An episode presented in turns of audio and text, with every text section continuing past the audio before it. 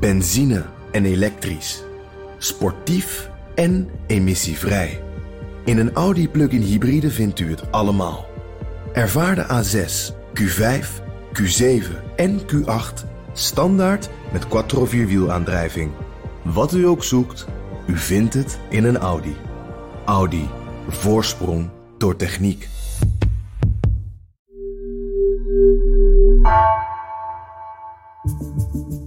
Vanaf de redactie van NRC het verhaal van dit jaar. Mijn naam is Misha Melita.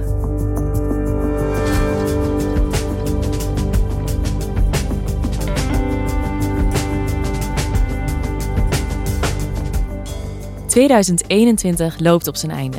In NRC Vandaag blikken we terug en vooruit. Met onze correspondenten kijken we naar belangrijke ontwikkelingen in hun regio. Verhalen die de voorpagina's haalden of juist ondergesneeuwd raakten onder andere nieuwsgebeurtenissen. Met vandaag Tunesië. Daar werd afgelopen zomer een staatsgreep gepleegd. De prille democratie, die ruim tien jaar geleden werd ingezet na de Arabische lente, is daarmee weer grotendeels ongedaan gemaakt.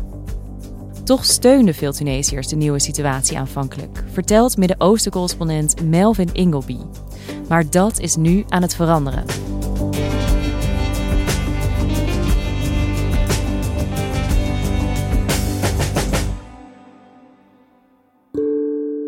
Bonsoir Melvin, euh, très contente de t'écouter, d'avoir de, de, tes nouvelles, d'avoir un autre contact avec toi. Très bien. Euh, bon, la situation... Melvin, wie horen we hier? Dit is uh, Amel Amri. Ze is een Tunesische vrouw, middelbare leeftijd. Ik heb haar vorige zomer in uh, de hoofdstad Tunis ontmoet. Ik werd toen ontvangen door haar en haar man Ali. We zaten samen op de bank. De tv stond aan, want er was veel nieuws. En uh, we zaten daar uh, te praten en ze serveerde couscous en thee. En uh, sindsdien heeft Amel contact met mij gehouden. Alors, euh, je te laisse maintenant sur ce. Et on s'appelle demain, inshallah. En wat voor vrouw is Amel Amri? Amel doseert op de universiteit in Islamic Finance. Ze komt uit een conservatiever Tunesisch gezin. En uh, is heel erg politiek actief geweest tijdens de Arabische lente, die in Tunesië ruim tien jaar geleden de democratie bracht. Uh, bon, uh, la situation n'est pas au bon point. tu as une idée quand même. tout est chamboulé. En zij, zij stuurt mij om de zoveel tijd berichtjes om te zeggen: Hey Melvin, hoe gaat het met je? Lang niet van je gehoord. Maar ook van: Hey, volg je nog wat hier gebeurt, hier in Tunesië? Donc, euh, oui, la Tunisie a été abandonnée. Je ne sais pas si c'est voulu, si c'est intentionnel ou parce que c'est pas vraiment tellement, tellement important. Want uh, het lijkt alsof de wereld ons een beetje vergeten is.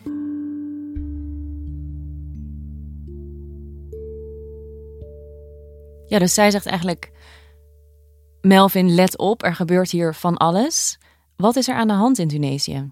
In Tunesië is in juli een staatsgreep gepleegd. En dat is heftig, want uh, de democratie was heel pril in Tunesië. Want Tunesië was het eerste land waar de Arabische lente begon. En ook het enige land waar die democratie enigszins stand heeft gehouden. En um, die democratie komt nu dus in gevaar. Ja, want er is een staatsgreep gepleegd. Zeg jij, hoe is dat gebeurd? Op 25 juli in de avond kondigde de president Kais Said met een televisietoespraak aan dat hij het parlement en de regering naar huis stuurde. En dat hij schoon schip zou maken. Dus hij gaf een toespraak in de stijl die hem eigen is.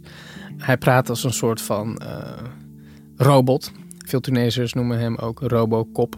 بعد أن تم التشاور عملا بأحكام الفصل الثمانين من الدستور مع رئيس الحكومة ومع رئيس المجلس النيابي اتخذت جملة من القرارات التي سيتم تطبيقها فورا En wie is deze Kais Said? Kais Said is een 63-jarige oud professor en hij is een politieke outsider die in 2019 met grote meerderheid verkozen is met een anti-corruptiecampagne. En hij stelt zich op als de strenge schoolmeester die orde op zaken gaat stellen. Het is een soort van anti-politicus politicus. Hij doet zichzelf heel erg voor als iemand uh, die vies is van de politiek, maar is ondertussen heel hard bezig de macht naar zich toe te trekken. En hoe was de situatie in Tunesië in de zomer? Ja, nou, ik, um, ik zat in Beirut toen het gebeurde en ik ben eigenlijk meteen um, uh, daarheen gevlogen. En ik kwam daar aan, het was heel rustig op straat. Het was, uh, nou, het was stikheet. En er waren wel hier en daar militairen op pleinen en straathoeken, et cetera. Maar er was ook een soort van halve lockdown nog gaande.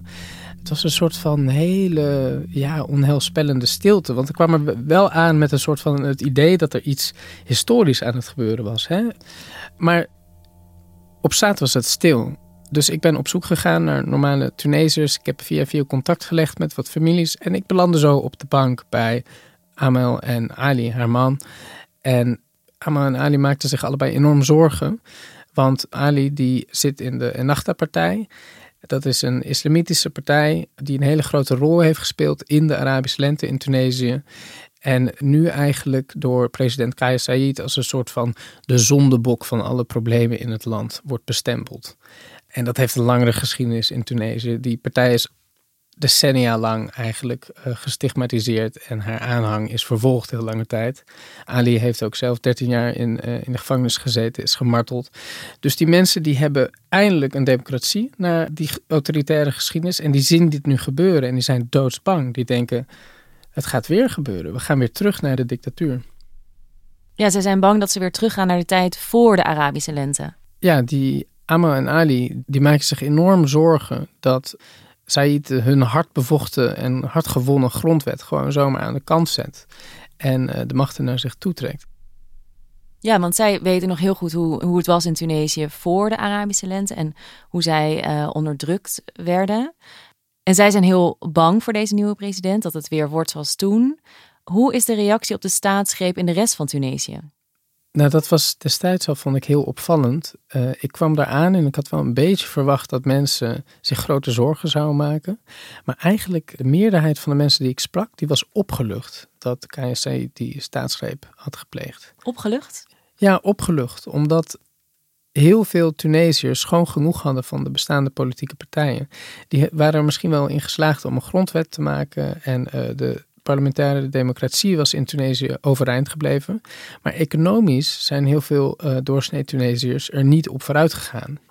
Je hebt met name heel veel jonge Tunesiërs die enorm teleurgesteld zijn in wat de revolutie hen in economisch opzicht heeft gebracht. En dat komt eigenlijk omdat de oude elite van dat oude regime nog steeds uh, het geld in eigen zakken steekt. Maar dat gebeurt achter de schermen. En heel veel Tunesiërs die zien eigenlijk alleen maar het getouwtrek tussen politieke partijen die ze als corrupt zien. Er is ook heel veel corruptie. Maar veel Tunesiërs hadden dus zoiets van, nou ja, schuif al die corrupte politici maar aan de kant. Um, en laat Kais maar schoon schip maken. Zij vonden dat eigenlijk helemaal niet zo'n slecht idee om even één machthebber te hebben die de zaak regelt ja, dat gevoel bekroop me wel toen ik met veel mensen daar sprak. En ik zei ook, maar zie je niet hoe dat is afgelopen in Egypte bijvoorbeeld? Hè? In 2013 had je precies hetzelfde. Teleurstelling met een democratisch verkozen regering. En een sterke man die zegt, uh, generaal Sisi in dit geval, die zegt: Oké, geef mij alle macht en ik ga orde op zaken stellen. Nou, nu zit Egypte in de hardste dictatuur waar het zich ooit in heeft bevonden. Maar de mensen destijds die zeiden tegen mij: Nee, maar Tunesië is niet Egypte en het komt allemaal wel goed. En maak je geen zorgen. Maar ja, toen dacht ik al, ik spreek jullie wel over een paar maanden, kijken hoe de situatie dan is. Ja, het is nu een paar maanden later. Hoe is het nu in Tunesië? Nou, slecht. Uh, ik heb nog uh, regelmatig contact met uh, Amel. Bonjour Amel, ça va? Bonjour Melvin, comment tu vas? En die vertelt me ook dat het, dat het steeds slechter gaat. Dat Kaya Said zich steeds autoritairder begint te gedragen. En het interessante is ook dat ze vertelt dat veel mensen die destijds de staatsgreep steunden, nu spijt hebben. Par exemple, je vous ai parlé de ma voisine de palier. Uh, ze vertelt over haar buren die ineens zeggen: Ja, hebben we toch verkeerd ingeschat. C'est la décadence, c'est l'échec total, c'est l'obscurité. Où est-ce qu'on va On est dans l'ignorance de tout ce qui est de l'avenir. Tout s'effondre autour de nous. Veel mensen slaan zich voor het hoofd en denken: Ja. Uh, we wilden zo graag dat er iets van verandering kwam. Dat we bereid bleken om onze parlementaire democratie in het geding te brengen. Ja, want deze tijdelijke staatsgreep bleek helemaal niet zo tijdelijk. Nee, uh, na de eerste periode van 30 dagen bleek er niks gebeurd. Toen heeft hij in september alle machten formeel naar zich toegetrokken. En in oktober uh, kwam er een nieuwe regering die vooral bestond uit ja-knikkers uh, en ook met een vrouwelijke premier. Dat was ook tactisch. Uh, Said die dacht met een vrouwelijke premier lijken we heel progressief. Maar ondertussen zien we dat die premier heel weinig te vertellen heeft. En we zien ook dat Said zijn critici steeds agressiever aanpakt. Um, zo is vorige week bijvoorbeeld bekendgemaakt dat de oud-president Monsef Marzouki, dat was de eerste president van na de revolutie, dus de eerste president van een democratisch Tunesië, dat die bij verstek veroordeeld is tot vier jaar cel. Uh, Marzouki is een uh, fel criticus van Said. Ik sprak hem ook direct na de, na de staatsgreep. En ik heb onlangs weer contact met hem gehad om te kijken hoe het met hem ging. Bonjour. Oui, bonjour monsieur, comment allez-vous? Dat was vlak voordat hij het nieuws kreeg dat hij veroordeeld is tot vier jaar cel. En hij sprak met me vanuit Parijs, waar hij in de ballingschap woont. Vous allez bien Oui, très bien, et vous Vous m'entendez bien Oui, oui, je vous entends très bien, oui. En waar is Marzouki voor veroordeeld? Hij is veroordeeld voor samenswering tegen de staatsveiligheid. Nou, dat zijn dus precies ook het soort van veroordelingen die heel erg uh, gebruikt uh, worden altijd om critici de mond te snoeren. En dat zie je ook in meerdere gevallen. Er zijn uh, ondanks meerdere uh, prominente politieke figuren veroordeeld tot uh, enkele maanden cel op heel erg twijfelachtige gronden. Ja, en wat zegt het over de positie van Said dat hij dit doet? Volgens Marzouki laat het vooral zien dat Said zich in het nauw gedreven voelt. Hij zegt, ja, hij merkt nu dat steeds minder mensen hem steunen. Dat steeds minder mensen geloven in die belofte van jullie. Van ik ga de boel fixen, ik ga schoon schip maken, alles komt goed. Want dingen zijn niet goed gekomen. So, a lot of people are extremely disappointed with the, the result of the coup. And I can tell you that the, the president now is extremely alone because he has lost the support of his supporters. Hij zegt, uh, 2022 wordt sowieso het jaar waarin Said vertrekt. In a way that probably we, can, we will probably get rid of this guy. Uh, I wouldn't say in the next few weeks, but in the next few months, I can. This, I think the situation will uh, uh, will be completely different because everybody knows that this guy is not the solution. He is the problem. Maar hij zegt dan zijn er twee opties. Um, of de kliek van het oude regime, dus het leger en de politie en de, de zakenelite van het oude regime, die vinden een andere man die het werk van Said kan voortzetten, hè, van een terugkeer naar uh, een autoritair regime. Of die protesten zijn zodanig sterk dat Tunesiërs in zullen slagen om hun parlementaire democratie te herstellen. En Marzouki die zegt misschien dat die protesten dan ook weer uh, breder regionaal tot nieuwe bewegingen gaan leiden. In 2011, Tunisia was also a small country. nobody was talking about Tunisia. And suddenly, uh, the, the, Arab Spring uh, began in Tunisia. And I can assure you that the third wave of the Arab Spring will begin uh, once again in Tunisia. Zoals Tunesië aan de wieg stond van de eerste golf van de Arabische lente, zo kan het misschien ook weer nieuwe golven inspireren. En dat tweede scenario is best wel hoopvol. Denk jij dat dat ook realistisch is? Ja, dat is heel lastig. Ik denk uh, dat het realistisch is om te verwachten dat er uh, op een gegeven moment protesten zullen aankomen. Uh, tegelijkertijd is Marzouki is ook wel iemand die, voordat hij president was, decennia lang een mensenrechtenactivist was. En iemand met enorm hart voor de zaak. En ik, ik betwijfel gewoon, afgaande op de gesprekken die ik in Tunesië heb gevoerd deze zomer, twijfel ik of heel veel mensen er zo in zullen staan. Ik denk dat heel veel mensen teleurgesteld zullen raken door Said. Maar ik weet niet of genoeg mensen de straat op zullen gaan om dat momentum op te bouwen.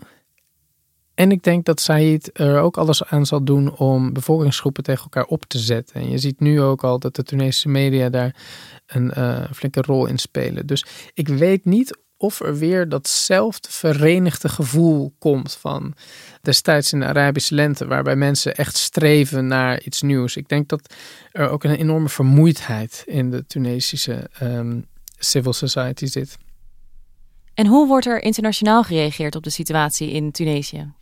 Nou, heel flauwtjes. Um, je ziet dat Europa en uh, de VS, die hebben wel verklaringen afgegeven van we maken ons zorgen over de staat van de Tunesische democratie, et cetera. Maar uh, concrete maatregelen blijven uit. Terwijl ondertussen landen als Saudi-Arabië, Egypte, de Verenigde Arabische Emiraten, die zijn heel blij met zo'n uh, sterke leider. Want die hebben natuurlijk sowieso nooit iets gehad met de Arabische lente. Dus die willen gewoon zo snel mogelijk een hen welgezinde uh, dictator daarvoor in de plaats. Dus die hebben Said ook gesteund, ook financieel. Um, en als gevolg daarvan merk je dat veel Tunesiërs die in dat pro-democratiekamp zitten, dat die zich wel erg in de steek laten voelen. Dat die het idee hebben dat, ja, hè, Tunesië was het uh, relatieve succesverhaal van de Arabische lente, maar wanneer deze te graven wordt gedragen, nobody cares. Ja, er is dus veel teleurstelling onder Tunesiërs. Zeker de Tunesiërs die wel graag in een democratie willen leven. Uh, we staan nu aan de vooravond van 2022. Wat gaat 2022 Tunesië brengen? Ja, nou, ik verwacht dus, uh, net als Marzouki, meer protesten. Uh, maar ondertussen is Said van plan om de grondwet te veranderen en daar een referendum over te organiseren. En het plan is eigenlijk dat dan het volk een soort van de goedkeuring moet geven voor een totale verandering van hoe de Tunesische staat is ingericht. En dat baart mensen als Amel enorme zorgen. C'est la dictature. C'est la dictature. Et on a un choix. Want die hebben voor die grondwet gevochten uh, jarenlang. En die zeggen, die grondwet die is heilig voor ons. Die gaan we echt niet zomaar ons laten afnemen. Dix ans de liberté, dix ans de démocratie. On a pris d'autres habitudes. Le peuple a pris d'autres habitudes. On peut plus régresser. We gaan echt niet meer terug naar de periode dat we bang waren om onder elkaar in het gezin met elkaar over politiek te praten. We gaan niet terug naar de dictatuur. On peut plus maintenant revenir à l'état ou à la situation à l'époque où on, on, on avait peur et on craignait de parler ou donner notre avis, même en famille. En zoals haar zijn er natuurlijk heel veel Tunesiërs die bereid zullen zijn om voor die democratie te vechten. Dus ik denk zeker dat we volgend jaar veel nieuws zullen krijgen uit Tunesië. Dus binnenkort reis jij weer af naar Tunesië? Ja, dat, dat hoop ik wel. En uh, ik heb in ieder geval een uitnodiging van uh, Amel. On se, on se tient au courant et euh, dès que j'ai l'occasion de, de, venir à Tunis, je, je vous le dis aussi. D'accord, j'espère que, que ton auditeur alors là se décide. Hein? Oui. Die zegt, uh, waar dan kom je nou? En als je komt, je bent hier altijd welkom. En zeg maar tegen je redacteur dat het belangrijk is. En dat er haast bij is. Dus ik zie je in Tunis. À vous aussi, merci, à très bientôt. Merci, à très bientôt, Amen. Ciao, ciao.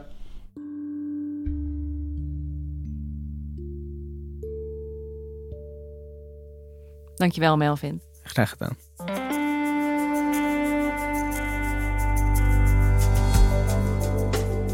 Je luisterde naar vandaag, een podcast van NRC. Eén verhaal, elke dag. Deze aflevering werd gemaakt door Tessa Kolen en Ruben Pest. Dit was vandaag, morgen weer.